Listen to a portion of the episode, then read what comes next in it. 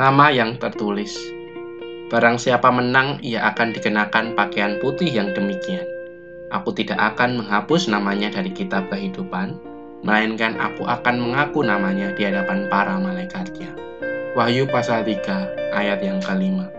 Bacaan kita hari ini terambil dari Wahyu pasal 3 ayat 1 hingga 6. Beberapa tahun lalu, saya begitu bersuka cita karena mendapati nama saya tertulis dalam sebuah pengumuman penerimaan beasiswa studi perguruan tinggi. Tidak banyak orang yang mendapatkan kesempatan emas seperti yang saya dapatkan. Hingga sampai sekarang, ketika saya mengingat masa itu, perasaan sukacita dan kebanggaan masih saya rasakan. Namun, Adakah sukacita dan kebanggaan yang lebih dari itu? Tentu ada.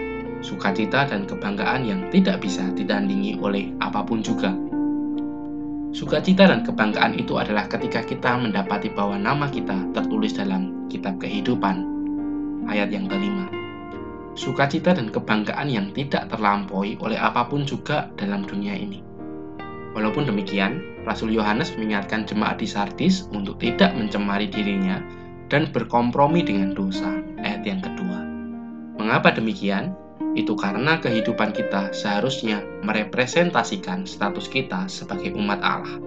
Ayat 3 dan 4. Jadi, meskipun mereka telah diselamatkan, itu bukanlah alasan untuk mencemari diri mereka dengan berbuat dosa. Rasul Yohanes mengingatkan kepada kita bahwa sukacita itu juga harus kita barengi dengan menghasilkan buah sesuai dengan pertobatan.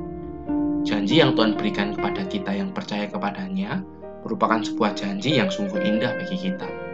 Namun, Tuhan tidak memperkenankan kita untuk mencemari kehidupan kita dengan berkompromi dengan dosa. Ingatlah status kita sebagai anak Allah.